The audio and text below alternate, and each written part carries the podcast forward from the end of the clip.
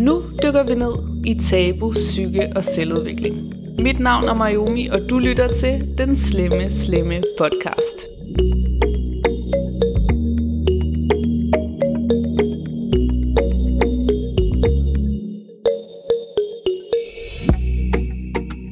Velkommen, kære lyttere, til den første episode i år 2021. Jeg håber, I har haft et fuldstændig fantastisk nytår. På trods af de her coronatider, hvor vi overhovedet ikke kan gøre det, vi plejer. Jeg er personligt selv ofte ved at rive håret ud på mig selv af kedsomhed. Jeg håber, I klarer det lidt bedre end mig, men heldigvis har jeg jo den her podcast, der underholder mig med, og mine andre projekter. Øhm, men det er bare ikke det samme. Og det mærker vi jo nok alle sammen på hver vores måde. Derfor er jeg især glad for at præsentere dagens gæst. Hun er virkelig en, der kan få en til at tro på håbet og inspirere en til at gøre noget ved det liv, man har. Og jeg håber, hun kan efterlade jer med den samme følelse, som hun efterlod mig med, med at det er aldrig for sent. Danske Saraya, er mor med stort M. Hun er tidligere elitebokser. Hun er i gang med at tage en akademisk lederuddannelse, og så holder hun foredrag om, hvordan man spotter børn i mistrivsel. Og de her foredrag fortæller hun også om sit eget liv, sin egen barndom, og det er hele den rejse, hun har været på, som dagens episode handler om. Du kan læse meget mere om hende og finde hende på hendes Instagram-profil Angst i kulissen. For udover det fantastiske liv, hun har fået skabt for sig selv i dag, som bestemt ikke lå i kortene, så har hun haft en voldsom barndom med æreskrænkelser, seksuel misbrug og grov vold. Hun har diagnoser som ADHD, OCD, angst og kompleks PTSD som følge af den her barndom, hvor hun har måttet kæmpe for sig selv og forsvare sig selv. Og hele den her styrke kan man virkelig mærke skinner igennem. Hun har en meget tydelig og klar og inspirerende stemme. Inden vi går i gang, vil jeg gerne lige komme med en lille advarsel, en lille trigger warning. Vi går i ret dybe detaljer om eksempler på seksuel misbrug af børn, som både mig og Shariah har oplevet. Og vi deler de her eksempler simpelthen for at hjælpe jer, der kunne sidde i samme situation, for at professionelle vil kunne forstå folk, der har siddet i vores situation, og bedre spotte børn, der har oplevet de her ting.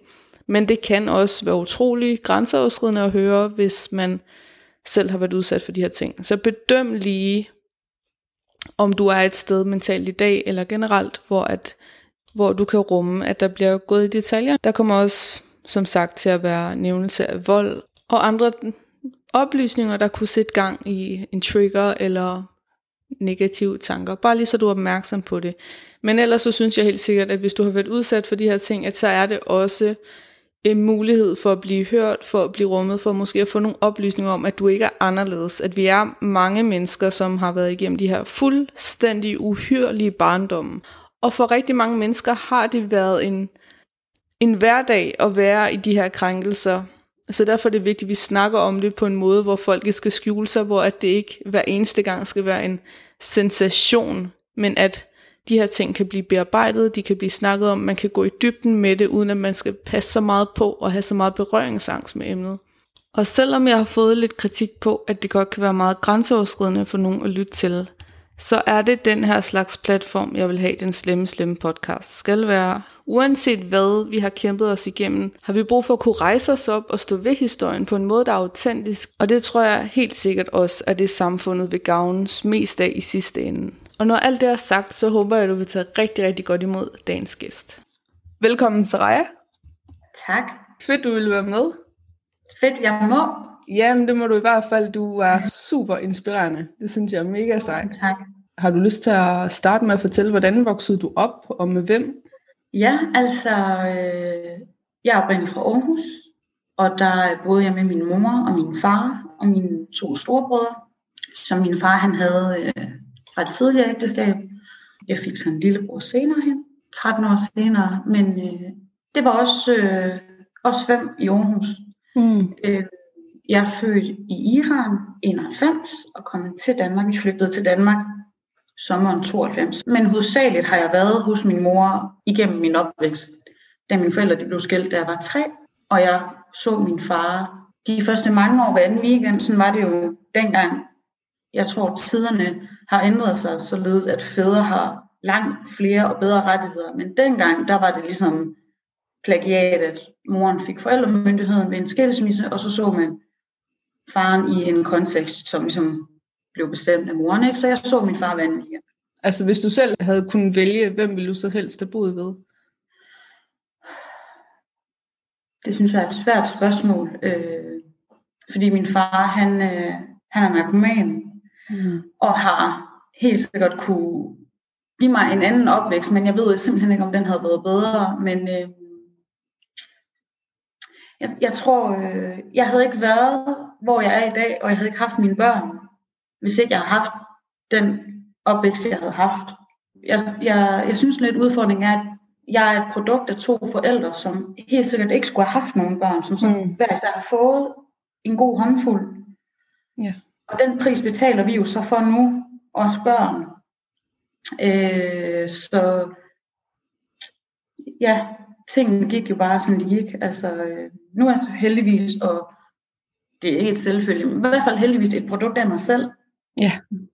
Men det er da klart, det har jeg jo betalt en rigtig, rigtig, rigtig høj pris for. Det er hårdt, at man ikke selv kan få lov at vælge sine forældre. Ja, for pokker, ja. Ja, der er helt sikkert nogle skæbner, der går tabt ved det. Ja. Ved ligesom at, at blive født ind i en, et usundt miljø. Mm.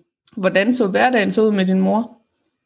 Jeg husker, jeg, det er faktisk ikke ret meget, jeg kan huske andet end at det var meget, meget betændt. Jeg kommer også fra en kultur, jeg kommer fra Iran, øhm, og det er en kultur, hvor vold og dominans, især fra mændene, er meget, meget almindeligt. Mm. Så det var meget, meget betændt, meget dystert. Det er faktisk det, jeg husker. Og øhm, så jeg har søgt aktindsigt. Og når jeg læser de papirer, det jeg nu kan, fordi dengang var det skrevet med skråskrift, det her det var midt 90, øh, der allerede dengang blev jeg beskrevet som et meget øh, sådan dysfunktionelt, meget ked af det, meget omsorgsvigtede barn. Og det var også det, jeg sådan husker, det var meget, meget mørkt, øh, utrygt derhjemme, øh, og jeg blev slået i en meget, meget tidlig alder.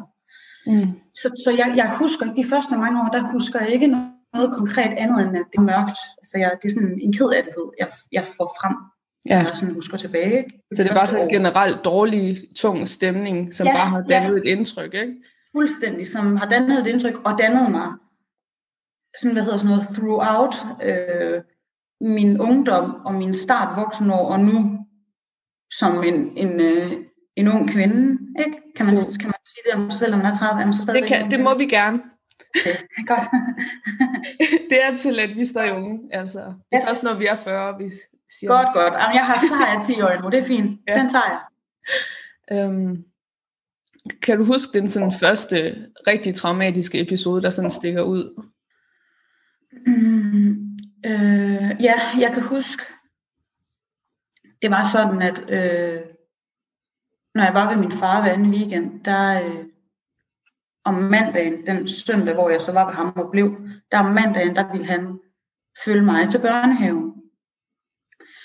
Og øh, min far, han øh, røg øh, opium, som er rygerheroin dengang, og det bliver du selvfølgelig påvirket af, og helt vildt konfus af i en påvirket tilstand, det er klart.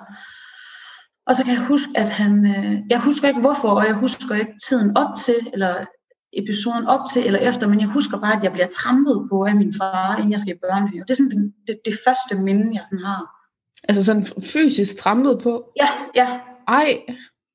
Inden jeg skal i børnehave. Ja. Øh, det, det er sådan det første, det første sådan, det overgreb, hvis man kan kalde det. Ja. Jeg, jeg sådan, der har helt sikkert været flere, og øh, min far, han slog min mor meget, meget voldsomt foran os børn. Meget voldsomt. Men, men det er sådan det første, der sådan har plantet sig. Det var det. Var det. Ja. Og så husker jeg, at øhm, min far, mine forældre de bliver skilt, og min far han får, de flytter selvfølgelig til hver deres lejlighed, og øh, min mor skal aflevere mig ved min far, og han bor på tredje etage. Jeg ved ikke, hvad der sker. Men det næste, jeg husker, det er, at jeg hiver min far i nakken. Jeg er måske 5-6 år. Jeg hiver min far i nakken, fordi han fra tredje etage ned til, til øh, kælderetagen simpelthen kaster min mor ned ad trappen og slår hende og slår hende og slår hende. Ej. Øh, og det resulterer i, at da de så når ned til kælderetagen, og min far så kommer op, der øh, er min mor fuldstændig, altså fuldstændig blodig i ansigtet. Og så husker jeg ikke mere. Det har simpelthen, det har plantet sig i, øh, i mig. Ja. Ja. Det kan jeg godt forstå. Altså, det er jo helt ja. vildt. Og det er jo også, ja. altså, klart, at et brændesind blækker ud lige derefter, ikke? Altså, det man det, kan huske, ja. huske de der mærkelige bidder, og så ved man ikke helt, hvad skete der så? Hvordan kom jeg videre? Hvordan foregik det? Og så, altså, ja. Det må jo også have altså, sat sig som sådan en mysteriefølelse igennem dit liv. Jamen, hvad var helhedsbilledet, ikke? Ja, og jeg tror bare, at øhm, mit sådan begreb om normalitet og tilgivelse og altså det er følelser, der er så langt fra mig. Mm. Øh, det, har, det har simpelthen Jamen, jeg ved faktisk ikke, hvordan jeg skal sætte ord på det. har simpelthen bare øhm, forstyrret. Altså, det har bare støjet i mit sind, at jeg bare har oplevet så voldsomme ting i så tidlig en alder. Mm. Jeg har slet ikke haft noget begreb om, om kærlighed øh, og, og følelsen af at blive, at blive ked af det, og så tilgive dernæst. Altså det, har jeg, det, det, er ikke, det er ikke en følelse, det er ikke noget, jeg har lært, fordi at det, det var bare så normalt i min, og er så normalt i min kultur, og var så normalt i min opvækst, at jeg har slet ikke, ja, det, det tror jeg, det er noget af det, sådan, jeg, nogle af de egenskaber, jeg sådan sidder tilbage med og efterspørger allermest, noget af det, jeg mangler allermest i dag, som en ung kvinde øh, og mor til to, at, øh, at kunne tilgive Øh, det, det tror jeg, det er nogle af de ting, jeg, jeg sådan mangler allermest, og beundrer allermest ved de folk, der kan det, der har et lyst sind, mm. der har sådan et, et hvidt et hvidt canvas, altså øh, hvor de sådan, så maler de, og så, så, så visker de tavlen ren. Mm. Yeah. Jeg, har, jeg tror, mit canvas, det er bare sådan en masse farver, der bare er hældt ud, og så, og så er jeg et produkt af det. Og så har den, det canvas ligesom bare, det har jeg bare med mig under armen, og har bare haft det hele mit liv. Og så kan jeg sådan pakke det lidt væk, og så kommer det frem igen, men det er der for evigt, og det er et canvas, jeg ikke selv har malet, ja. som, som følger mig. Du har ikke haft den frihed, som altså de fleste mennesker heldigvis stadig har til at male deres eget billede af verden. Ja, netop, netop. Når man bliver traumatiseret, så er det sat med hammer og mejsel. Ikke? Man kan ikke, altså, man kan jo godt gøre noget, og man kan jo godt hele, som du også er et rigtig strålende eksempel på. Der er bare noget, der sidder så dybt, at man, øh, man kan ikke bearbejde det, for man kan ikke huske det. Man kan ikke nå ind til... Nej, netop, netop. Hvad for nogle overlevelsesstrategier udviklede du så dengang? Altså jeg tror, øh, det, det ved jeg faktisk ikke, men jeg tror en af mine største styrker, og det er også en, jeg har, jeg har taget med mig, og som jeg har nu, det er, jeg har simpelthen været så robust, og det var jeg i en meget, meget tidlig alder. Jeg, jeg, jeg kan tydeligt huske, at jeg, jeg kunne sådan mærke, at jeg havde en form for modstandskraft mm. som barn. Øhm, øh, og jeg, jeg tror, det var det, der gjorde, at jeg kom nogenlunde helskinnet igennem det. Mm. Øh, og jeg havde en følelse af meget tidligt, at det her, det er ikke normalt. Ja. Hvor at mange, det bliver deres normalitet. Mm. Og de formår ikke at bryde den her sociale arv. De formår ikke at byde deres børn nogle andre kår, som de selv fik. Mm. Og det, at jeg netop i børnehaven og i 0. klasse sad med en følelse af, det her det er ikke normalt, at jeg har det sådan her. Det er simpelthen ikke, det kan ikke passe. Det kan ikke passe, at det her, det, det er den følelse, jeg skal sidde med som et barn. Det var nok en af mine største styrker. Øhm, og så var jeg bare en mega rebel. Altså, jeg fandt mig ikke i noget som helst. Jeg var en mega rebel, og jeg havde et ustyrligt temperament. Mm selvfølgelig. Jeg var jo et produkt af mine forældre, som jo bare slogs konstant, og også med os børn. Så ja, altså jeg var bare, øh, jeg var ikke en stille introvert. Heldigvis for det. Ja, heldigvis da. Øhm, ja, jeg var en kæmpe, kæmpe rebel. Mm. Øh, og mega, mega, jeg var sådan kraftfuld. Altså, øh, mm. Du havde ja. din stemme dengang, ligesom i dag. Jeg havde min, jeg, ved du hvad, jeg havde min stemme, øh, og den fik jeg brugt. Øh, og også på alle mulige forkerte måder. Og det gør jeg også, det, det kan jeg også, jeg kan også godt komme til at sætte mig selv i nogle situationer nu, som er helt vildt uschammerende, men jeg har en stemme, vigtigst af alt. Jeg har en stemme. Ja, og ja. man kan jo, altså, som vi også skal snakke om senere, altså det der, når man har senfølger, man kommer jo til at genskabe nogle ting, fordi at man er, som man er, ikke? Og nogle gange det er, det, det er simpelthen mega ubehageligt at, at komme til at gøre det, men samtidig så er det også bare, jamen man kan ikke gøre for det. Man kan bare prøve at blive bevidst, ikke? Ja. Men nogle gange så er det der med at se, okay, jeg reagerer ligesom da jeg var barn, men situationen er anderledes. Men på, der er en eller anden del af mig, der tror, jeg kan redde mig selv ved at reagere sådan her. Netop. Øhm, fordi det virkede jo dengang, ikke? Netop. Øh, så kan man komme til at reagere helt vildt. Altså, jeg vil ikke sige overreagere, fordi der er jo altid en grund til, at man reagerer, som man gør. Men jeg synes stadigvæk nogle gange, når jeg kigger på mig selv i de der krisesituationer, som jeg kan have haft som voksen, mm. så er jeg sådan lidt, jamen jeg bliver også me- mega besat af at skulle beskytte mig selv og sige min mening, mm. og øh, for enhver pris, så vil jeg ikke havne i samme offerrolle som dengang. Mm. Og så begynder jeg at gøre alle mulige ting, for ikke at havne i den rolle. Og det er bare måske ikke lige virkeligheden. Men jeg tænker, okay, det her er et spørgsmål om magt, hvor det måske er et spørgsmål om kommunikation og finde ud ja, af... Eller mangel, mangel på samme, ikke også? Var de her problemer noget, I snakkede om i din familie? Slet ikke. Og det gør man ikke i, i, i min kultur. Der snakker man ikke om ting, fordi der er et overhoved, og det er oftest faren, og så kommer moren, og så kommer børnene i sådan omvendt kronologisk rækkefølge. Mm. Øh, så du snakker ikke om følelser, du, du, det, det, det snakker man simpelthen ikke om. Øh, og man stiller ikke spørgsmål, så man gør egentlig bare, hvad man, hvad man får at vide. Ja. Altså, hvordan er det, er det normalt sådan for alle de steder, du har været i din kultur, at det var det mønster? Ja, ja, ja. ja.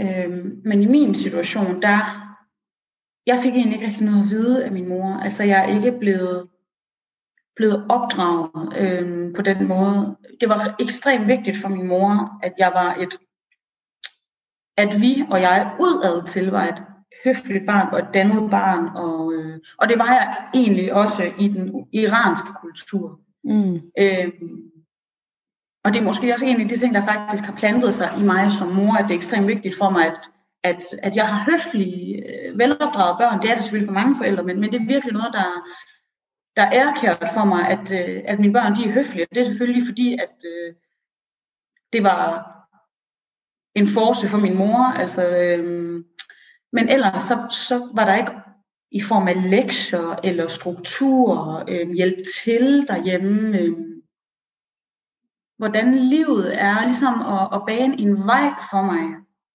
Øhm, det var der ikke noget af. Så det var ikke sådan, vi snakkede ret meget. Altså, jeg husker ikke, at min mor sådan... Jeg står ikke tilbage med en følelse af, at jeg sådan havde et bagland. Nej. Jeg kunne sådan støtte mig op af, læne mig op af, fordi min mor, hun var... Min mor, hun var 21, da hun fik mig. Hun var 23, da hun kom til Danmark med en baby på armen, ikke også? Mm. Øh, da hun var min alder, der havde hun næsten et barn på 10 år, og havde selv sin egen kampe, øhm, blev skilt fra en ekstrem voldelig øh, mand, blev gift med endnu en voldelig mand.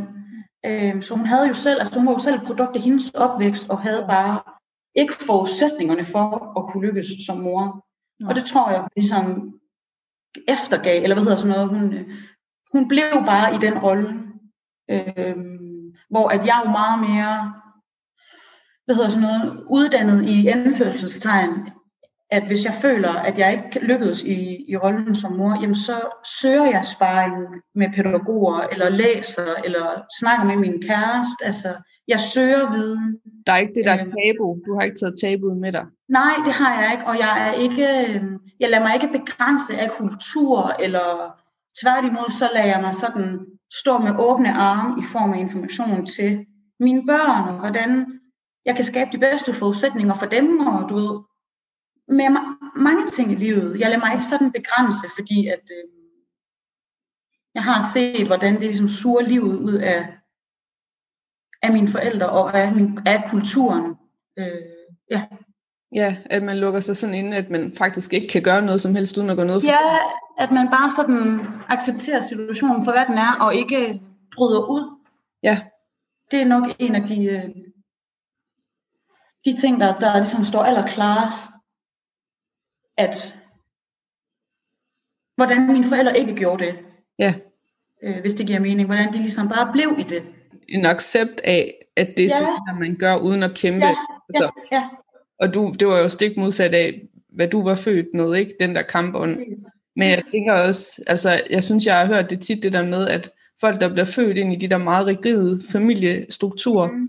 øhm, de er tit komplet modsat af deres forældre. Altså det der barn, der bliver set som det sorte for, det er præcis det, der er brug for.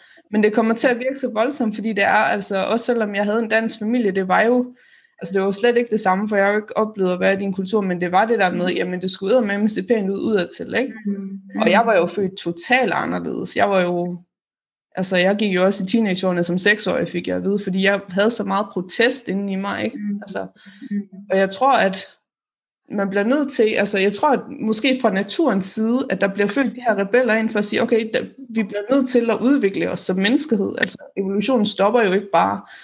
Øhm, og, og jeg tror ikke, at det er naturligt meningen for os som art og som mennesker og som ja, sjæle, eller hvad man skal sige, at sidde fast, for det gør jo ondt. Altså vi, det er jo generationstraumer, ikke?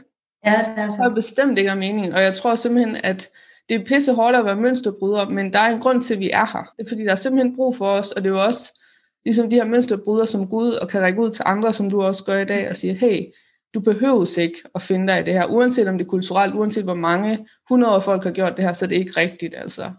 Det er det. Var var der nogensinde nogen, der sådan prøvede at gribe ind udefra? Nej, det var der egentlig ikke. Altså, øh, tiden var jo også en anden øh, for 29 år siden, ikke også? Øh, og især da jeg gik i børnehave, øh, der er man jo meget mere bevidst nu. Øh, igennem min agtindsigt, der kan jeg se, at der er blevet lavet, hvad der svarer til næsten 10 underretninger på, hvor den første det var i børnehave. Så der var nogen, der ligesom kunne spotte, at der er noget med den her lille pige. Mm. Men øhm, der var ikke nogen, der, af hvad jeg kan læse igennem de her journaler, der ligesom greb ind. Og da der så blev gjort opmærksom, da så PPR kom ind i billedet, øhm, det var så da jeg var ældre, der formåede min mor altid at dæmpe det med hendes ydre og med hendes, øhm, det her glansbillede, idyll, hun ligesom fik, Ja. hvad hedder sådan noget, portrayed af den her smukke, velintegrerede iranske kvinde, der ligesom bare har taget de danske normer og værdier til sig, øh, yder en kæmpe indsats i det danske samfund. Det gør hendes børn øh, i øvrigt også. Øh, og at hun ikke er skyld i, at jeg var så rebel, og at jeg var så udadreagerende. Mm. Og jeg kan se, at min far går igennem i mange af hendes udtalelser, at det er ham, der er skylden Ja. i alt. På trods af, at jeg havde meget begrænset interaktion med ham. Øhm, så, så hun fik altid dæmpet på en eller anden måde, øh, og den blev ligesom købt. Og så blev jeg altid set på. Jeg var altid hende den irriterende i klassen. Mm. Og jeg kom altid i specialklasse. Jeg blev altid sendt ude for døren. Jeg blev altid sendt hjem. Jeg blev også altid smidt ud af folkeskolerne. Jeg har gået på et hav af folkeskoler, jeg blev smidt ud af. Mm. Øh, fordi de simpelthen ikke kunne... Øh, de simpelthen ikke kunne kontrollere mig. I kunne ikke se, jeg at var husker- traumatiseret. Altså, På ingen måde, på ingen måde. Og jeg var heller ikke et barn, der viser mig. Jeg, jeg var ikke et barn eller en teenager, der græd derude. Altså udad til, hedder det. Jeg græd virkelig ret meget. Når jeg blev spurgt, hvordan jeg havde det, så havde jeg det fint, fordi jeg vidste, jeg vidste simpelthen ikke, hvordan jeg skulle øh, sætte ord på det, eller hvem jeg skulle gå til, eller hvordan jeg skulle håndtere min situation. Og det var først, da det, da det var for sent. Der er ikke noget, der er for sent, men det er først, da jeg havde fået trukket tæppet under mig, under benene, at jeg blev spurgt for første gang, hvordan har du det? Og blev mødt i øjenhøjde. Øhm, og der var jo sket, altså det var 13 år af mit liv, der ligesom var taget fra mig, føler jeg. Ja. Indtil jeg ligesom kunne, kunne begynde at bryde en skal, der ligesom var bygget op, ikke? Jo. Ja, så... Det er simpelthen, jeg bliver simpelthen så rørt, fordi at det kan bare ikke passe. I løbet af en børnehave og skolegang og sådan nogle ting, man møder jo så mange mennesker, som godt kan se, at det går mm. ondt på det her barn, og det er så forskruet det der billede af, jamen hvis et barn ikke græder, så er der ikke noget galt, fordi vrede skal straffes, og vrede er ikke okay, men man kan jo reagere ud på mange måder, når man har det mm. dårligt. Det er jo ikke alle, som reagerer med at være ked af det. De børn, der havde det værst, det var jo tit dem, som var i evig protest, for de var jo mm. altid i alarmberedskab, ikke? Ja, præcis, fuldstændig. Kæmper hele tiden øh, for, for jeres mm. egne rettigheder, øh, og det er jo ikke til at skille imellem, om man så kommer i børnehave, og der er en voksen, der siger noget, og man så er derhjemme, så er man jo stadig alarmberedskab. Ja, og min mor, hun søgte altid den danske kultur, og det synes jeg jo var en rigtig god idé, fordi det er jo en god plan at have, når man gerne vil integrere sig. Mm. Øhm, så hun søgte meget, ikke hendes egen, men ud mod de danske skoler og de danske venner. Men det gjorde også, at jeg så var den eneste udlænding i klassen, og jeg var en kæmpe opposition til de her smukke danske piger, der sad og tegnede i de her blade, og jeg var, og jeg var jo bare rebellen, der råbte og slogs, og mm. så jeg var bare i altså, jeg var bare sådan en kontrast til alt omkring mig. Mm. Lige så snart jeg kom, kom væk hjemmefra, så var jeg bare en kontrast. Ej, det må have øh. været forfærdeligt. Ja, det var det også. Ja, det var det også. Hvordan føler du sådan, at din mor har øh, bidraget til, at din barndom var dårlig? Altså, hvordan har hun været kontrollerende, eller var hun også voldelig over for dig? Ja, det var hun. Min mor var slet ikke kontrollerende. På ingen måde. Jeg, øh, jeg gjorde mere eller mindre, hvad der passede passede mig. Øhm, min mor, hun, jeg tror det, at hun ikke var der, altså der var altid mad på bordet, jeg havde altid smart tøj og så videre, jeg manglede ikke noget, hun var der sådan perifær. Ja. Men jeg tror, svigten i sig selv var bare, at hun ikke var der, altså i den der moderlige rolle. Ja. Og kontrasten er jo endnu større nu, når jeg selv er blevet mor. Så ja. jeg husker aldrig, at jeg har fået læst en godnathistorie, eller fået en krammer, eller min mor sådan har givet en kærlighedserklæring til mig, eller jeg var faktisk bare altid i vejen. Og senere hen det her svigt, det viste jo så at sætte, at sætte sine afrødder, øh, jo ældre jeg blev, ja. hvor at problemsængerne ligesom blev større og større. Men øh, da jeg var barn, øh, og den der start skole, eller der, øh, det var svigten lå mere i hendes manglende rolle og interesse i mig. Ja. Du var bare til stede, eller hvad? Ja, det var jeg. Ja, ja mm. det var jeg faktisk. Ja. Okay. ja. Og det, altså, det kan jo virkelig bare skabe en kæmpe mærkelig følelse for ens selvværd og ens identitet, fordi altså, det der med, at vi spejler jo så meget i vores forældre, så hvis de opfører sig, som om vi ikke er der, så begynder altså den del af os, der skulle forme sig i opvæksten til ligesom at opfatte sig selv, den bliver jo tvistet, fordi man får et helt andet billede af, af ens værdi som menneske. Øhm, Hvordan var det så at blive teenager og ung med alt det her i bagagen? Jamen, jeg husker faktisk tydeligt sådan et skæld, at jeg gik fra at være barn til at blive teenager. Øhm, jeg blev kroppen, bare det, at kroppen fysisk ændrede sig, men jeg blev meget mere verbal, mit temperament blev meget værre. Forventningerne til mig blev også højere. Øhm, og jeg begyndte at, øh, så jeg røg cigaretter, da jeg var 10. Jeg røg tjal første gang, da jeg var 12. Mm. Øh, alting startede meget, meget tidligt. Øh, og jeg følte mig bare, altså den der ensomhed, den, den fyldte rigtig, rigtig meget. Øh, og jeg var bare konstant på vagt. Altså det kan jeg bare huske, jeg havde sådan konstant øh, et alarmberedskab i mig. Mm. Af 11, 12, 13 års vold og omsorgssvigt og seksuelle overgreb. Og, øh, og det var jeg så blevet produkt af som sådan øh, præ-teenager, ikke også? Ja. Øhm, Hvornår skete de der seksuelle overgreb? Jamen altså, hvis jeg sådan lige skal rewind, så øh, bliver min mor skilt fra min far. Jeg er omkring tre. Min mor får forældremyndigheden, og vi flytter langt væk fra min far. Vi er stadigvæk bosat i Aarhus. Mm. Og min mor møder en ny, øh, og bliver gift med ham.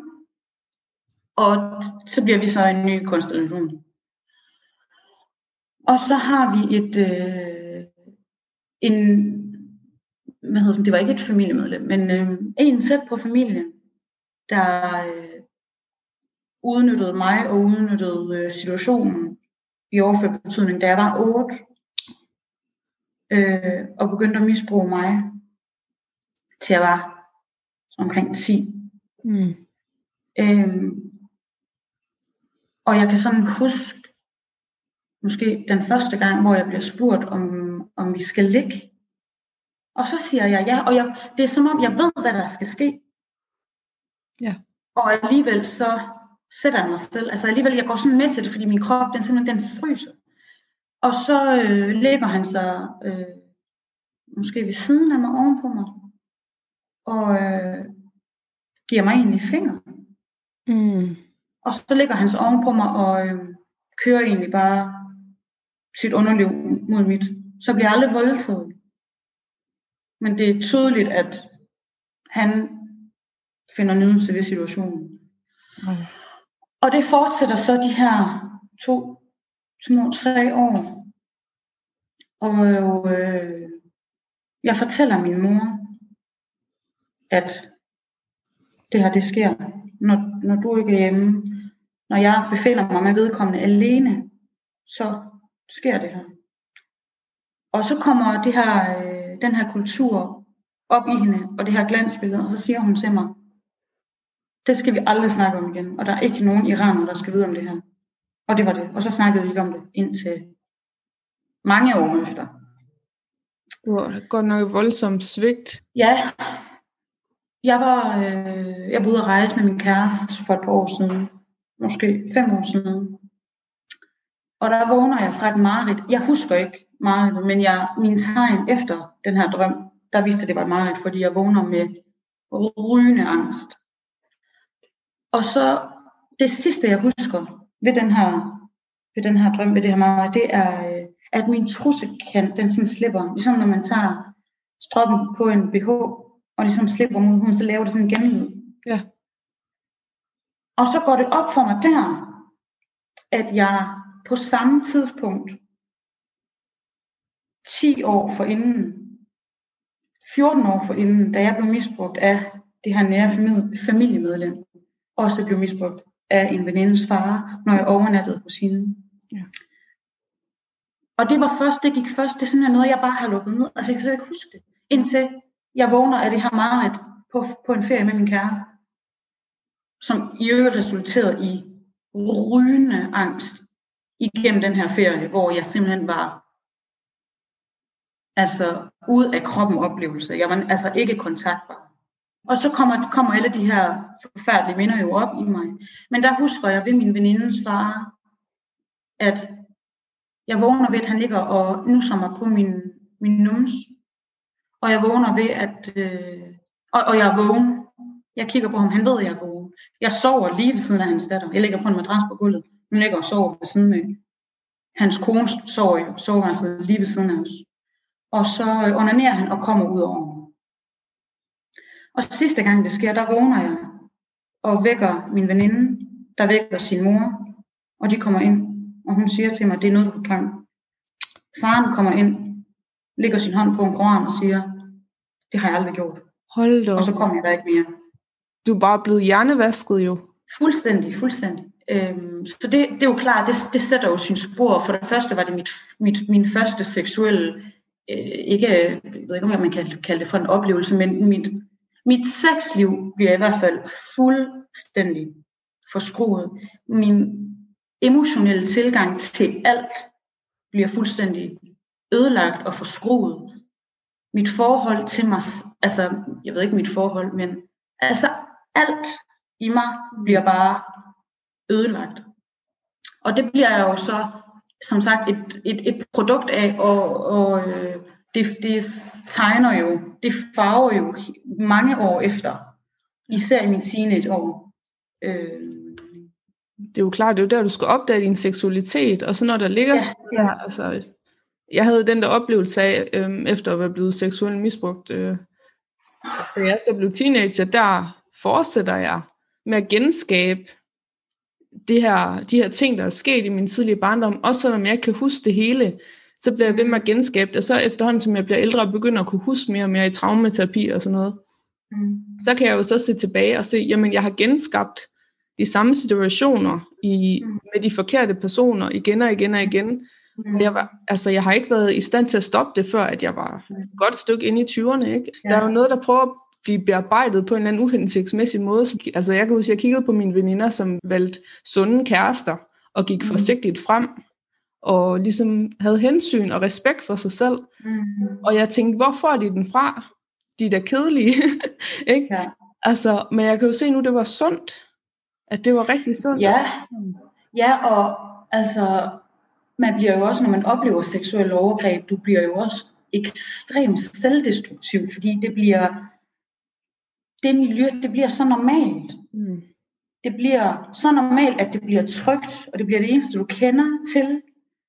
Så den, altså jeg var også ekstremt promiskuøs Mm. igennem min, øh, min teenageår, fordi mit forhold til sex, det var så øh, twistet på en måde. Altså, øh, det var så fjern fra mig faktisk, den der connection, den der emotionelle, følelsesmæssige forhold, der jo også er ved at have sex, også selvom at det ikke nødvendigvis er med en kæreste, altså det er også bare for at ja, hygge sig. Mm. Øh, det var så fjernt for mig, altså, øh, så jeg satte mig bare og befandt mig bare bevidst i et ekstremt usundt og dysfunktionelt miljø, fordi det var det, jeg kendte til. Ja, jeg kan huske, ja. jeg, snakkede med, jeg snakkede med en gang, som også havde haft det her mønster, og hun sagde et eller andet omkring, jamen, at hun behandlede sig selv, da hun så blev teenager og voksen, som Mm. hendes overgrebsmand havde behandlet hendes seksualitet, da hun var yngre. Altså, at hun ligesom på den måde blev sin egen overgrebsmand igen og igen og igen, og så brugte andre til at udleve det med. Og det synes jeg egentlig, det er også den følelse, jeg har haft af det i hvert fald. Ja, og man kan sige, noget af det, me- det mest forfærdelige, det er jo kroppens evne til at skille sig fra din fornuft. Mm.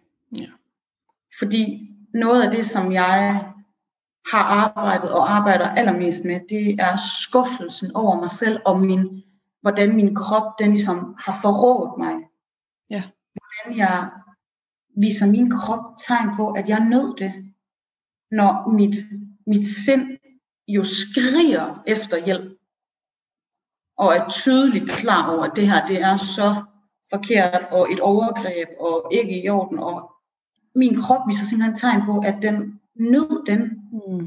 de her overgreb, og kan den stadigvæk vise tegn på, så mange år efter, at den viser til en form for nydelse og tilfredsstillelse, at den bliver påvirket af de her tanker, de her flashbacks, jeg får. Altså det er jo, så føler man jo sig låst og i fængsel i sin egen krop.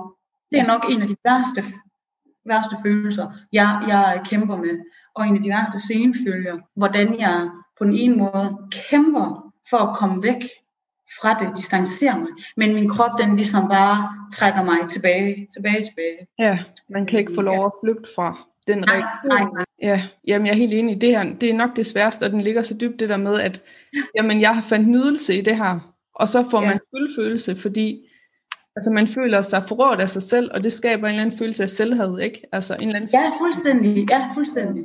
Jeg kan også huske, at jeg jo, fordi jeg blev manipuleret med helt fra jeg var ja, spædbarn, kan jeg forestille mig, til de her ting, at jeg jo selv opsøgte det til sidst, når jeg ville have Mhm. opmærksomhed. Øhm, Mhm. Så i stedet for at bede om et kram, jamen så tog jeg blæen af og gik hen til de her personer, som lavede overgrebene for ligesom at sige, elsk mig, Mm. så skal jeg nok finde mig i, at de piller ved mig. Øhm, Mm. Selvom jeg ikke synes, altså jeg synes jo, det var forfærdeligt, men jeg kan da også huske, at altså, jeg ved ikke, om det lyder også forfærdeligt at sige det, men jeg ved ikke, om små børn kan få orgasmer, men det tror jeg, jeg har fået, fordi i mange år har jeg jo haft ekstremt meget modstand mod, at andre skulle give mig nydelse, Mm. fordi jeg Mm. føler, at jeg mistede øhm, kontrollen. Så Mm. nydelsen var ligesom min, og så derfor så tog jeg rigtig meget styringen, og jeg kunne ikke rigtig overgive mig. Øhm, og så synes jeg her som voksen, så har jeg gået rigtig meget op i tantra, og i den proces, så har jeg fundet ud af, at det der med, at jeg nød de her ting som barn, og så prøve at gå ind i dem, imens jeg for eksempel øh, er sammen med min partner, ikke? og så prøve mm. at opleve den her nydelse, mm. som jeg havde dengang. Og det er så forfærdeligt, fordi alle følelserne kommer op, og de eksploderer bare i hovedet på en, sammen med nydelsen, med skam, og altså, man skal være sammen med en, som kan holde til, at man ligger og græder snot, ikke? Fordi mm. at man har nyt det, for man kan, den der kroppens forræderi, kroppen er ligeglad, det er en ren natur, det er dyr. Mm. Øhm, yeah. Hvis den yeah. bliver stimuleret, så reagerer den, ikke? Mm. Øhm, det er jo også derfor, der er nogen, altså mænd, der siger, jamen de er blevet voldtaget, og så griner man af dem, men det er de fandme, fordi mm. at de kan godt få rejsning, hvis de bliver stimuleret, det er ikke anderledes end kvinder, og så kan de jo godt øh, blive voldtaget af en kvinde, det er ikke fysisk umuligt. Og det er helt klart lige så slemt som alle andre seksuelle overgreb. Selvfølgelig, ja, selvfølgelig. Det, det er den her, det er jo ikke ens skyld, men skylden sidder der. Øhm, men jeg kan mærke, at det har løsnet noget. Men det er ikke noget, altså der er stadig rigtig meget at gøre på den måde, men den proces ligesom i at sige, okay, nu går jeg bare ind i det, og så prøver jeg bare at acceptere, jamen jeg nød det her engang, da jeg var et lille barn og var uskyldig og blev udsat for de her ting, så var der en form for nydelse, som jeg faktisk vendte mig til var okay. Jeg tror godt, man kan arbejde med det, men jeg synes, det er ikke et sjovt arbejde at lave. Det. Nej, det er det det, og det er et benhårdt arbejde i mange år, ja. øh, kontinuerligt. Var der også sådan overgreb og vold i dine teenageår? Altså overgrebene, de stoppede. Øh, de stoppede ved min veninde, fordi jeg simpelthen ikke kom der længere, og de stoppede også ved det her øh, nære familiemedlem. Da så de, hvad hedder sådan noget, de øh, fysiske overgreb, de stoppede, så øh, tvang han mig til at se øh, porno. Mm. Så det, det, det, det tvang han mig til at se en del af, og ville fortælle mig, hvad han ville gøre ved mig, hvad han fantaserede om, og hvad, øh, ja. Og der var jeg sådan noget præ-teenager. Øh, og volden, den, den fortsatte. Også, min mor hun var rigtig, rigtig slem. Min mor, hun slog mig vanvittigt meget. Og min mor, det, jeg tror, hun har meget, meget svært ved, eller det ved jeg, hun har meget svært ved at snakke om, men min mor, hun har haft et, øh, hun har sådan et havde kærlighedsforhold til mig. Øh, og jeg tror, hun har straffet mig for mange ting, som jeg ubevidst har frataget hende, eller hun har fået frataget ved at få barn. No. Fordi hun simpelthen har, ikke har kunnet magte opgaven og, og øh, været i et helt andet land, en helt, anden, en helt anden kultur, end hvad hun kom fra. Så jeg tror simpelthen, hun har påduttet mig en masse fred, en masse følelser. Og det kom igennem i hendes måde at, at slå mig på. Ja, fordi så hun afreagerede på dig? Fuldstændig. Hun afreagerede på mig, fordi hendes, hendes øh, vold var så, hvad hedder sådan noget, vicious. Det var så ondskabsfuldt. Ja. Øh, moren hun simpelthen bare kunne blive ved og ligesom sådan pustet ud til sidst, hvor det var simpelthen en, en form for terapi for hende at, at slå mig. Øh, og den fortsatte i en del år, indtil jeg så kom på opholdsstedet. Og der stoppede det ligesom bræt alt sammen. Hvilket var min redning. Altså. Oh, fantastisk. Ja, ja, ja. Uh, jeg blev helt lettet, fordi jeg tænkte bare, hvornår kommer der nogen? hvornår der må komme en ende. Ja, der kom nogen, det gjorde der, men alt, alt, alt for sent. Alt for sent. Hvor gammel var du der? Da jeg flyttede? Ja, på opholdssted. Jamen, jeg var øh, 13,5. Og det er jo bare naturligvis gradvist gået dårligere og dårligere med mig. Jeg tager hjem fra kl. 8 om morgenen og hjemme kl. 10 om aftenen, og jeg er skæv konstant. Mm. Der er ingen, der altså, spørger ind til, hvor jeg er. Altså, nobody could care less. Så får jeg den her kontaktperson over hos Kommune, som ligesom skal stimulere mig, lave nogle lektier med mig, øh, tage mig på café, få mig lidt væk fra det her øh, miljø, jeg befandt mig i, og i øvrigt også væk hjemmefra. Ja. Øhm, og vi er på en tur til Silkeborg, tror jeg. Okay. Og så sidder vi på en gangbro. Og så, øh, så siger hun til mig, øh, Saraya, hvordan har du det? Og så svarer jeg, som jeg altid gør, at jeg har det fint, og det går godt derhjemme. Og så siger hun til mig, øh, nu skal du høre her. Jeg vil have, at du fortæller mig, hvad der sker. Jeg vil have, at du fortæller mig, hvad der sker. Jeg kan se på dig, at du er i mistrivsel, og du har det ikke, og jeg vil simpelthen have, du fortæller mig lige nu, hvordan du har det. Jeg kan ikke hjælpe dig, hvis ikke du siger det. Og så græd jeg, og jeg græd, og jeg græd, og frode og snot, og jeg græd, og jeg græd, og jeg græd. som jeg aldrig havde grædt før. Mm. Og så fortalte jeg egentlig bare i grove træk, kronologisk rækkefølge, alt hvad jeg havde været igennem, og så sagde jeg bare til hende, du er nødt til at få mig væk. Hvis jeg skal overleve det her, så skal jeg simpelthen væk.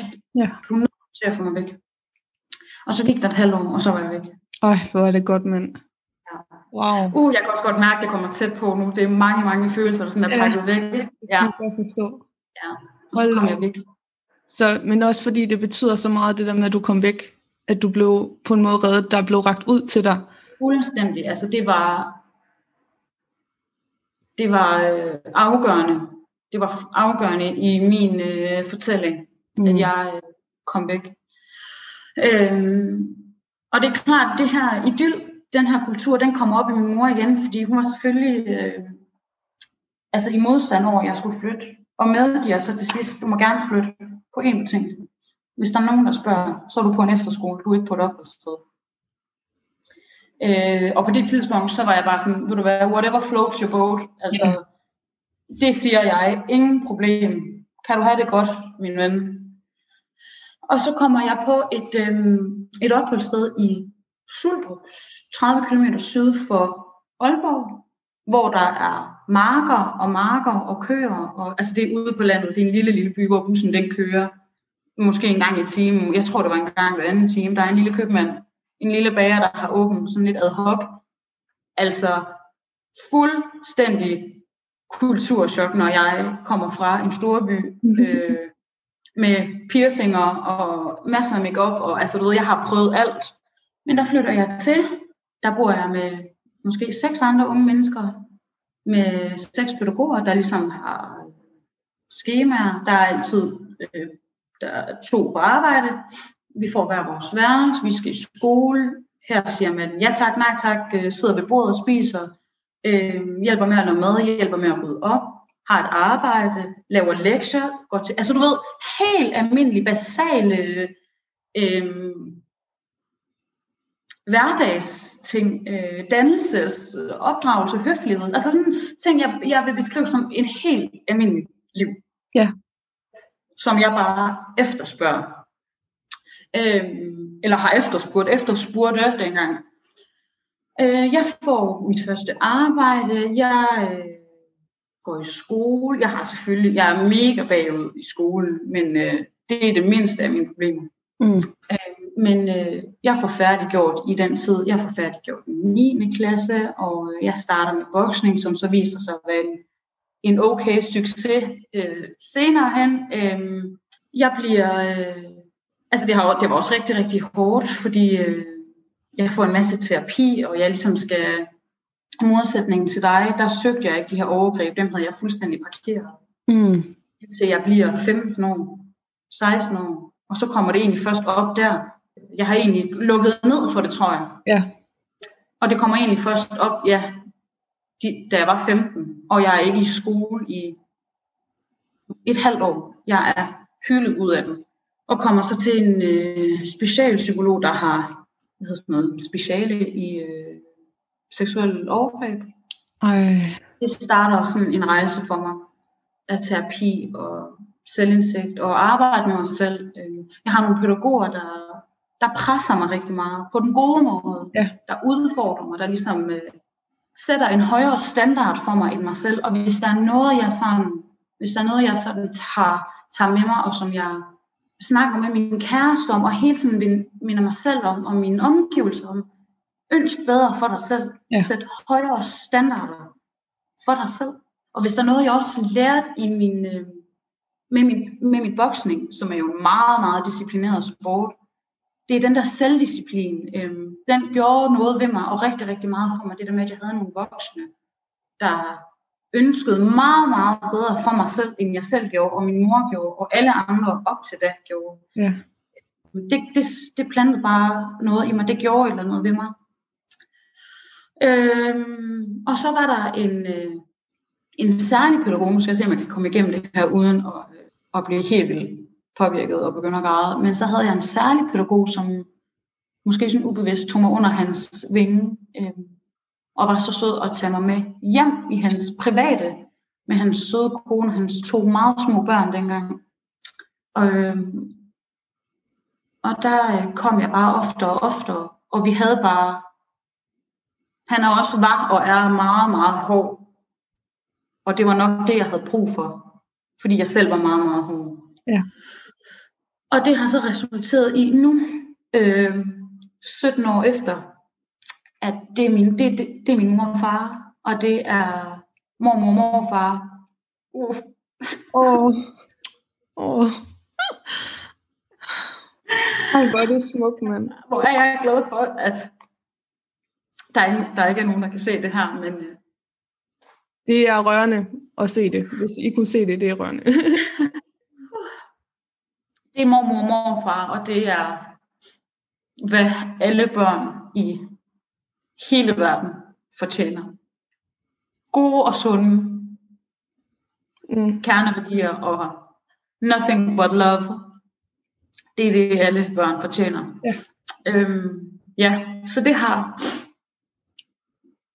Jeg, jeg mødte nogle kernepersoner, som er de personer, jeg vil huske tilbage til resten af mit liv, at der var de her enkelte kernepersoner, der simpelthen ændrede mit liv. Simpelthen ændrede mit liv. Øhm, ja. Var det vidunderligt at høre. Ja. altså, hvor ville jeg ønske, at alle, der har haft noget lignende din historie, har fået det. Altså, det skulle komme på recept, fordi det er det, der healer. Det er det, der healer. Ja, det er det. det der, du beskrev før med, at så vil der, det er dig, der var set som problembarnet. Mm. Øhm, og din biologiske mor havde den der facade, ikke? Øh, hvor at det ligesom er barnet, der bliver taget ud og skal fikses. Det holder ikke. Man bliver nødt til at komme, få barnet ind i et miljø, der er sundt, og så sker ændringen. Ej, det er jeg virkelig glad for, at du deler det her. De er jo det værd. De er jo nogle fantastiske børn, der kan gå ud og række ud til så mange mennesker, og fortjener det. Det gør de. Altså for mig, der er hverdagens helte, det er øh, lærere og pædagoger øh, rundt omkring i landet, der arbejder med helt små børn og teenager, og øh, der bare generelt arbejder med mennesker, øh, fordi at det er så enorm en opgave, og et kæmpe ansvar, man påtager sig. Desværre er der varierer dygtigheden også, og det Ja. kan jo også have omfattende konsekvenser. det Men heldigvis kender jeg nogle fuldstændig fantastiske, både lærere og pædagoger, som simpelthen kan ændre liv og, og plante frø i de her børns altså skæbner. mm. Hvis jeg lige skal gå tilbage til øh, min historie, så øh, er jeg jo på opholdsstedet og får en hverdag op at køre, og bliver et bedre og bedre og mere selvstændigt produkt af mig selv. Øhm, og jeg flytter øh, for mig selv i form af en lejlighed i Aalborg. På det her tidspunkt, der, der øh, øh er jeg ved at, sådan, at pike inden for min amatør amatørkarriere inden for boksning, og jeg har dannet en, en omgangskreds i Aalborg, jeg er ved at tage en uddannelse i Aalborg, og jeg har intet tilhørsforhold andet end en mor, og på det her tidspunkt en lillebror i Aarhus. Så jeg bliver i Aalborg, får min egen lejlighed, kommer selvfølgelig stadigvæk som en del af familien hjemme ved øh, Gert og Lise, Mm. og øh, mine to søskende, deres døtre. Mm. Øhm, og er egentlig stadigvæk meget, meget rodløs. Jeg har ingen planer, visioner, drømme for fremtiden. Jeg tager bare dagene, som de kommer. Jeg får færdiggjort en uddannelse, og jeg er egentlig bare sådan out and about. Altså jeg øh, lever egentlig bare et meget sådan ustruktureret øh, liv af sind, men meget struktureret i den forstand, jeg selvfølgelig går i skole og passer min træning meget, meget dedikeret og meget, meget seriøst. Så jeg er i start 20'erne, øh, får færdiggjort en uddannelse, får taget en HF, hvilket jo er mirakuløst, men den får jeg taget. Hvor er det sejt, mand. tak. Øh, jeg får en pude på og får taget et billede. Det var meget vigtigt for min mor. Hun skulle selvfølgelig vise, at hun har en datter, der har taget en uddannelse. Ja. Og så får jeg et arbejde ved Telenor, og er rigtig glad for det. Der er stadigvæk. Og der møder jeg den næste kerneperson. Nu græder jeg igen. det må du gerne. Der møder jeg min næste kerneperson, som er kernepersonen. Det er min person, som jeg al- håber alle finder. Den ene person, som er André, min skønne kæreste og far til mine børn, som er min... det er også en forsvarsmekanisme, jeg har, så griner jeg, når jeg græder, fordi det er det nemmeste for mig, i stedet for at være i den følelse. Men øhm, Er min dimensionale modsætning. Det sødeste, jeg er selvfølgelig også sød og skøn og flot og sjov og alle de her tillægsord. Men det er hun. også som hun prøver at være ironisk. men André, han er virkelig altså fantastisk. Han behandler det bedste menneske lige så godt som det dårligste menneske. Åh, oh, det er godt nok en... Skænder ikke imellem mennesker. Han ser det bedste i alle mennesker. Og han er den mest rummelige, tolle og søde menneske. Og så er han bare røvlækker også. Du har vundet i lotteriet. Fuldstændig vundet. Altså det siger jeg jo selvfølgelig, at han har. Han har jo selvfølgelig vundet i lotto. Altså hvem kan ikke se det? That's the obvious. Men spøg til side. Han øh, rummer mig som godt, som han kan, men øh, han er bare skøn, skøn, skøn, og rigtig sund og god for mig, og øh, for vores to vidunderlige børn. Og han hjælper mig med at få skabt et liv, som ikke lå i kortene, som ikke var de forudsætninger, jeg havde, da jeg var barn. Jeg havde i øvrigt ingen drøm om at få børn. Jeg ønskede ikke at få børn, fordi det var så den Jamen, det var simpelthen så langt for mig. Det var faktisk, ah, det var ikke et valg, jeg havde. Det var simpelthen så øh, implicit, at det skulle jeg ikke. Mm. Indtil jeg mødte André. Og selvfølgelig skulle jeg det. Yeah. Og hvor er det en kæmpe gave, og fantastisk, at jeg har fået dem. Ikke? Men, øh, så det er øh, mine 29 år øh, rullet meget hurtigt frem og fortalt her. Øh, og nu lever jeg øh, jeg ved, at det er en af de ting, du gerne vil spørge om, så jeg sådan skal komme dig i forkøbet. Hvad liv, hvad liv lever du i dag? Ja, hvad liv lever du i dag? Ja, altså, jeg lever et dejligt liv. Jeg lever et liv meget, meget langt fra det liv, jeg blev budt, og det liv, jeg kom fra i Aarhus. Øhm, jeg lever et travlt liv med to små børn, men jeg lever alt igennem et, et dejligt liv. Men et liv, der også er præget meget af min opvækst et liv med mange sådan identitetskriser og mange senfølger. Øhm, et liv med paraderne op til alt. Øh, et liv, hvor at jeg stadigvæk ser verden. Altså jeg føler at jeg ser verden for, den, for hvad den er. En farlig verden. En verden fyldt med farlige mennesker, dumme mennesker, med meget kedattighed. Andreas ser en smuk verden, med smukke mennesker, med dejlige mennesker, med smuk natur, med et rent canvas. Og mit canvas er stadigvæk, mit farvede canvas er stadigvæk med mig. Men nu har jeg måske selv taget canvas frem og farver sådan lidt på det selv indimellem. Det er et rigtig godt billede at man må få lige så mange canvaser, som man Ja, det tror jeg. Ja. Øhm, jeg tror måske, det kan være, at jeg ender med at åbne sådan et atelier. Det, det skal du gøre. Med, med canvaser.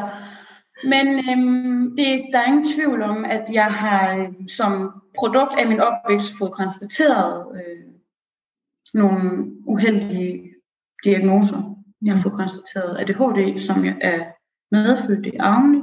Jeg har fået konstateret kompleks posttraumatisk stress, øh, OCD og angst. Og det farver min hverdag.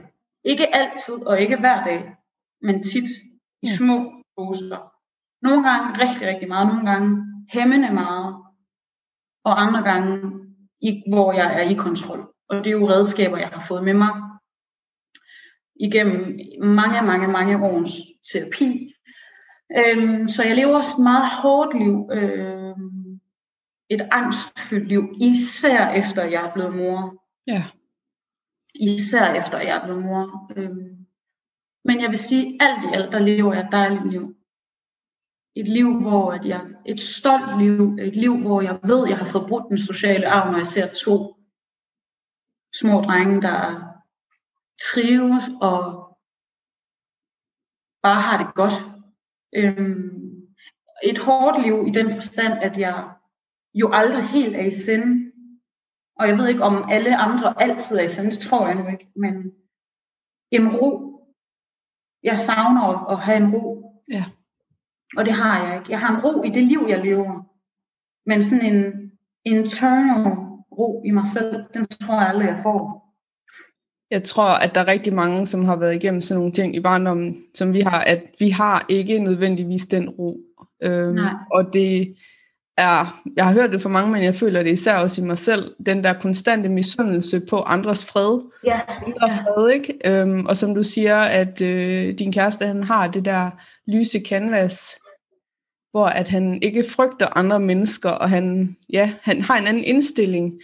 Og det gør jo også bare, at man ikke, altså, man bliver ikke hele tiden konfronteret, for man kan hurtigt blive triggeret, altså med det samme. Øh, nu har jeg lige fået en ny skøn veninde, men der var jeg jo også nødt til at sådan, altså så skal vi lære hinanden at kende, og bare i den forbindelse, så sådan, gud, øh, tør man åbne op, og tør man vise, mm. hvem man er af de her ting, og det er jo, og det, det, altså det går jo for det meste godt, fordi mennesker er jo søde og rare i virkeligheden, ikke? Man har jo bare været så uheldig at være født ind i en øh, vipserede, hvor de alle sammen samles, for de her mennesker, de samles, ikke?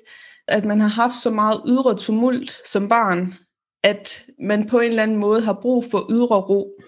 Fuldstændig. Som voksen. Og, og det er jo det der med, som du siger, at når man har haft sådan en barndom her, så er de rigtige relationer simpelthen det vigtigste.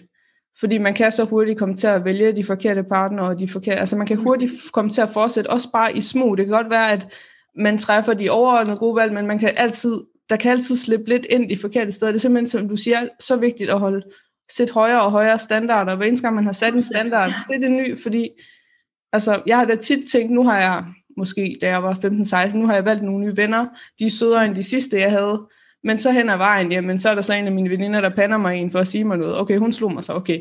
Det går ikke. Højere standard, ikke? Og så hele vejen igennem kan jeg se, at det er jo det, der har reddet mig. Og det kan jeg også høre fra andre, som du også siger, det er det der med, at hvis man ikke vil sidde fast, så bliver man nødt til at sige, jeg fortjener bedre. Den her historie skal ende anderledes. Jeg ved godt, hvordan den skal ende, ikke? Og det går jeg efter. Ja, Jamen også, altså noget af det, jeg vil sige, jeg lærte især min voksen, det, det var meget det der med, at du er ikke bedre end din sidste kamp. Så det, altså det kan godt være, at du vandt de nordiske mesterskaber i går, men din næste kamp, den kan du lige så godt tabe. Så du er ikke bedre end din sidste kamp. Øhm, og det der med, at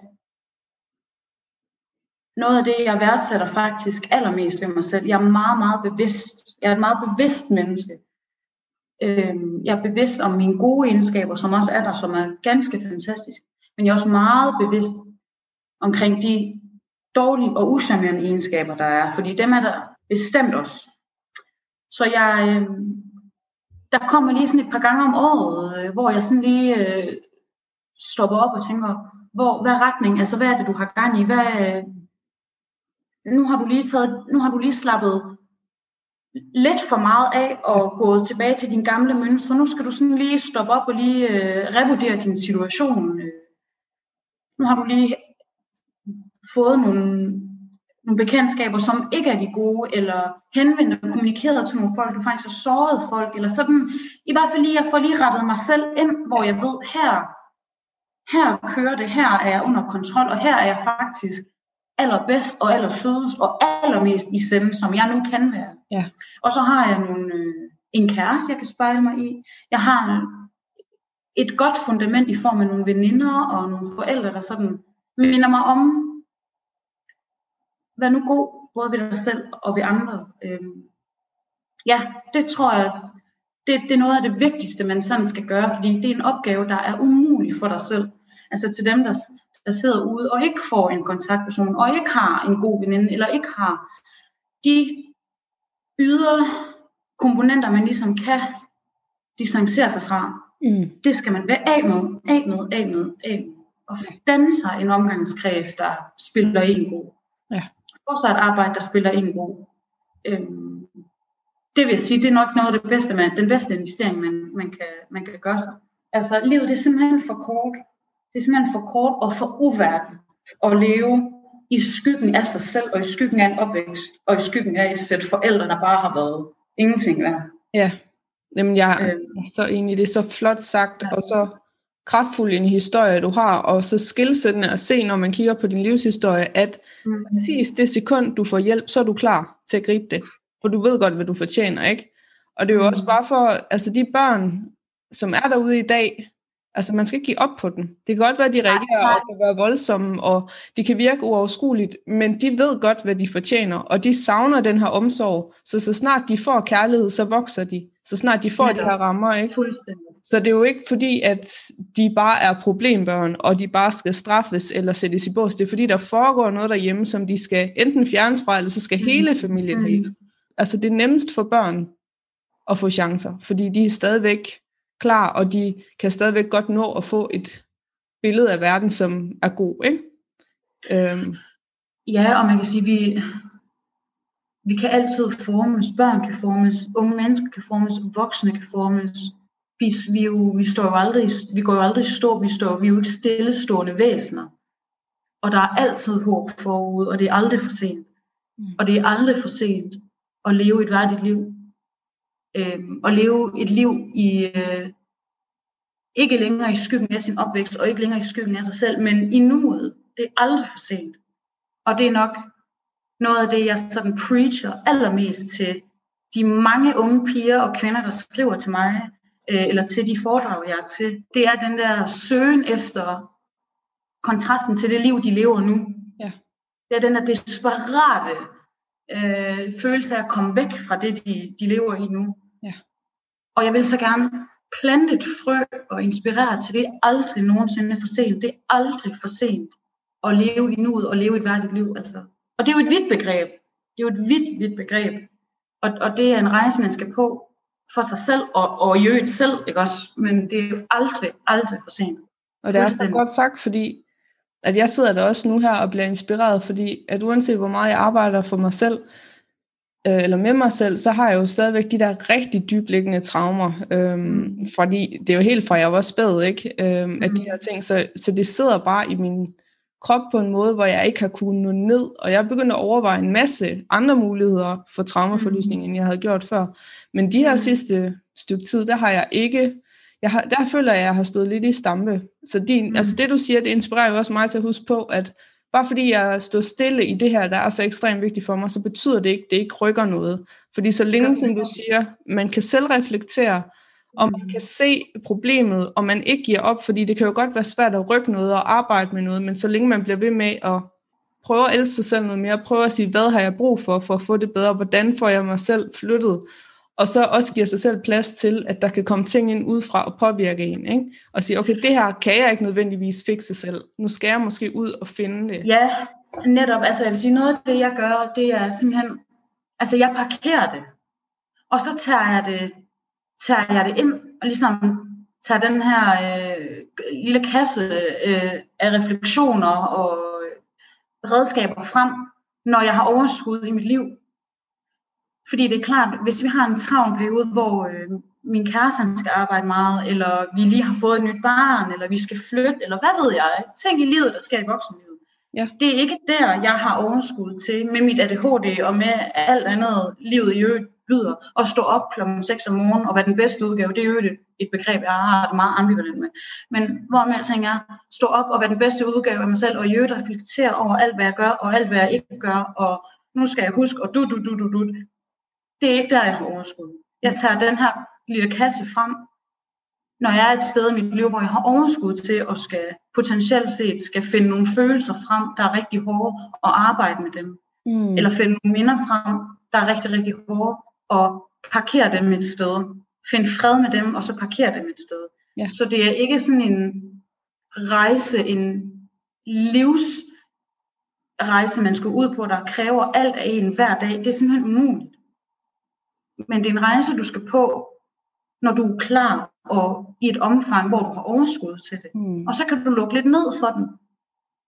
Og når du så kan mærke, det er i hvert fald, jeg kan i hvert fald mærke, når jeg bliver sådan lidt et, et røvhul faktisk når jeg bliver sådan lidt øh, den værste udgave af mig selv, og min lund den er rigtig, rigtig kort, og der ved jeg, nu, nu skal jeg snart, nu skal jeg snart lige sætte mig ned, lige trække mig fra, fra min, min familie, lige finde et par timer for mig selv, og lige finde kassen frem og lige tænke over, hvor, øh, hvilke mønstre har du lige øh, fundet frem?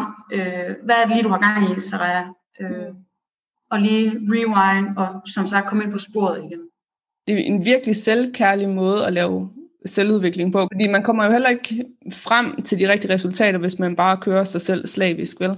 Um, så jeg synes, det er en rigtig fin måde, at du gør det på. Det bliver jo med respekt for dig selv, og den person, du er, det overskud, du har, ikke? Ja, og ved du hvad, jeg har også, jeg har også et ansvar over for mig selv og over for mine, mine børn, fordi jeg har prøvet at være den bedste kæreste, og være den bedste på arbejde, og være helt vildt inde på Instagram, og være den bedste mor, og være helt vildt overskudsagtig, og bare prøve at være den bedste udgave af mig selv, konstant og arbejde med mig selv. Jeg, jeg går simpelthen ned med fladet, og jeg ved, der er mange derude, der også gør det samme. Ja.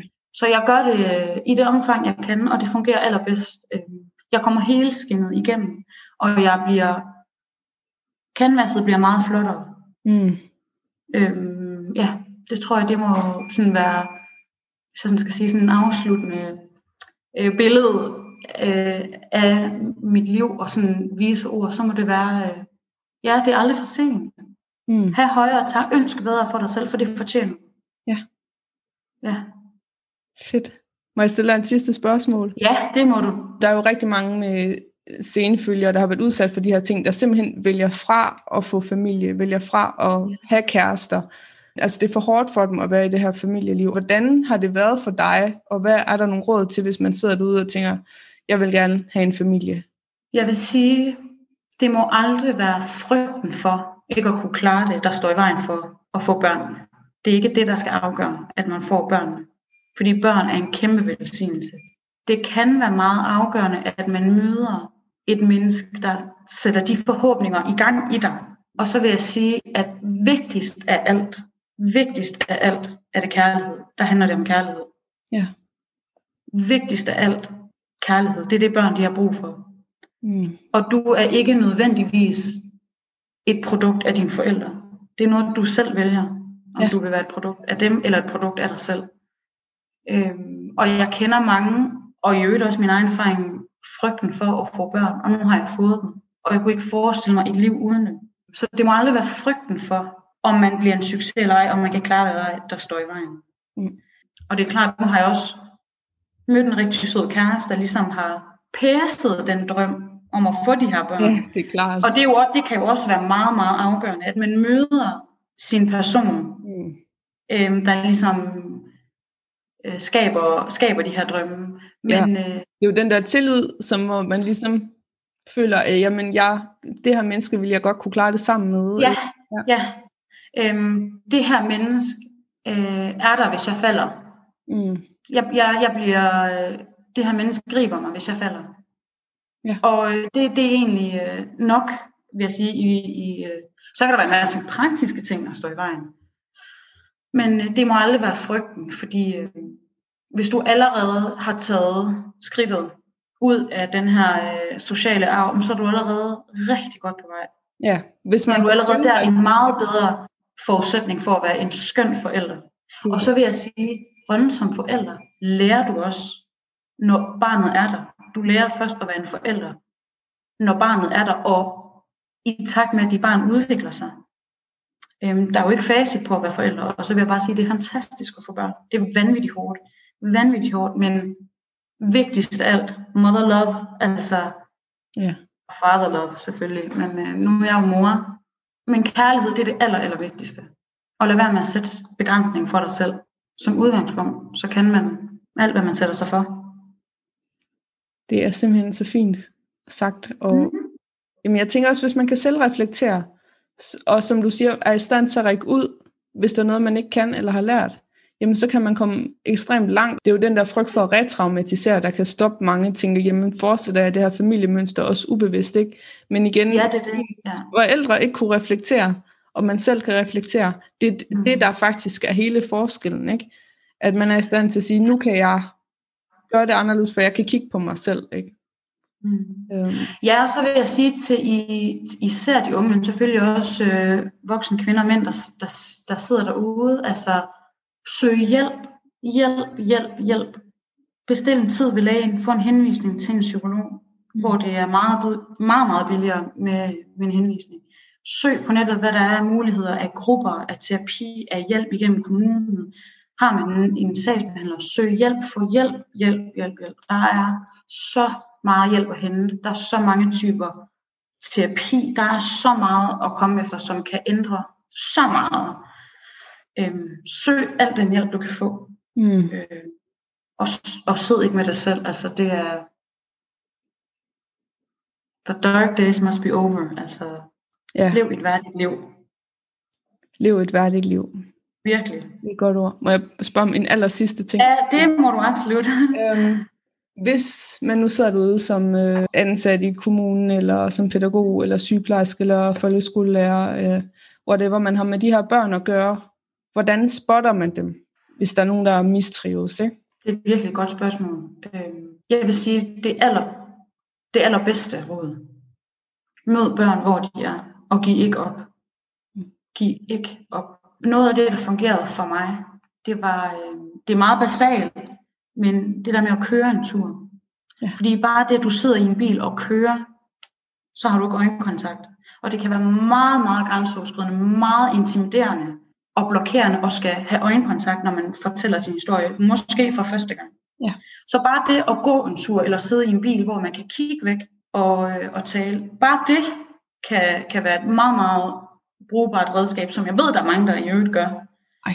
Øhm, og så øhm, få børnene, for de her unge børn, væk fra deres forældre i den forstand, at når du har sådan den her 1, 2, 5 timer om ugen med dem, prøv at få dem væk fra, øh, fra miljøet derhjemme, fordi det er det, der låser dem. Ja. Ud og gå med dem, hvor de ikke er hjemme med mor og far, hvor de selvfølgelig ikke kan fortælle, hvad der foregår. Og så vil jeg sige, følg din mavefornemmelse. Det handler tit om mavefornemmelse. Hvis der er noget i din mave, der fortæller dig, at mm, følg din mavefornemmelse til døren, følg den, følg, fordi den er næsten altid rigtig. Hvor ville jeg ønske, at jeg ikke skulle møde en af mine kernepersoner som 13-årig, men før, hvor ville jeg ønske, at jeg havde en lærer, der fulgte sin mavefornemmelse. For det kan jeg se, der var mange i de her underretninger, der havde en mavefornemmelse. Hvor ville jeg ønske, de havde fulgt den til dørs. Følg din mavefornemmelse. Følg din mavefornemmelse, din søde lærer og pædagog, fordi du kan gøre en kæmpe forskel. Ja, du er et powermenneske, som er i ja, erhverv, som ja, man kan nå. Ja, det kan man blive. absolut. Og du er også et powermenneske, og nu kan jeg se, at uh, dejlige familie er kommet hjem. jeg har en dreng, der, der, der vinker og synes, det er spændende, det jeg laver. Ja, det kan jeg da godt forstå.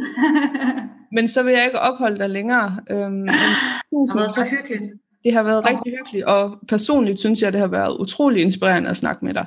Tak, og i lige måde. Jeg glæder mig til at dele den her podcast med alle dem, der er derude, for jeg ved bare, at du kan nå helt rigtige mennesker. Jeg glæder mig, og jeg håber, der er nogen, der kan bare finde en lille smule, måske bare et smil på læben. Det er der. Det er jeg helt sikker på. kan du have det rigtig godt, og tusind, tusind tak. Tusind tak, og i lige måde mig. Så er vi tilbage i studiet. Jeg håber, I fik mindst lige så meget ud af den her podcast, som jeg gjorde. Jeg synes, det var en super dejlig oplevelse og meget lærerigt.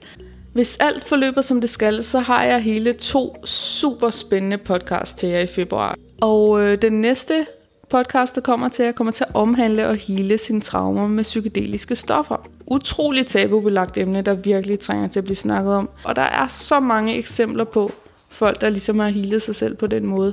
Men også nogle eksempler på, at det er gået galt, og folk måske faktisk har mistet livet på det, eller fået det dårligere, end da de startede. Så hele det her etiske dilemma tager vi op med en masse personlige beretninger som sædvanligt.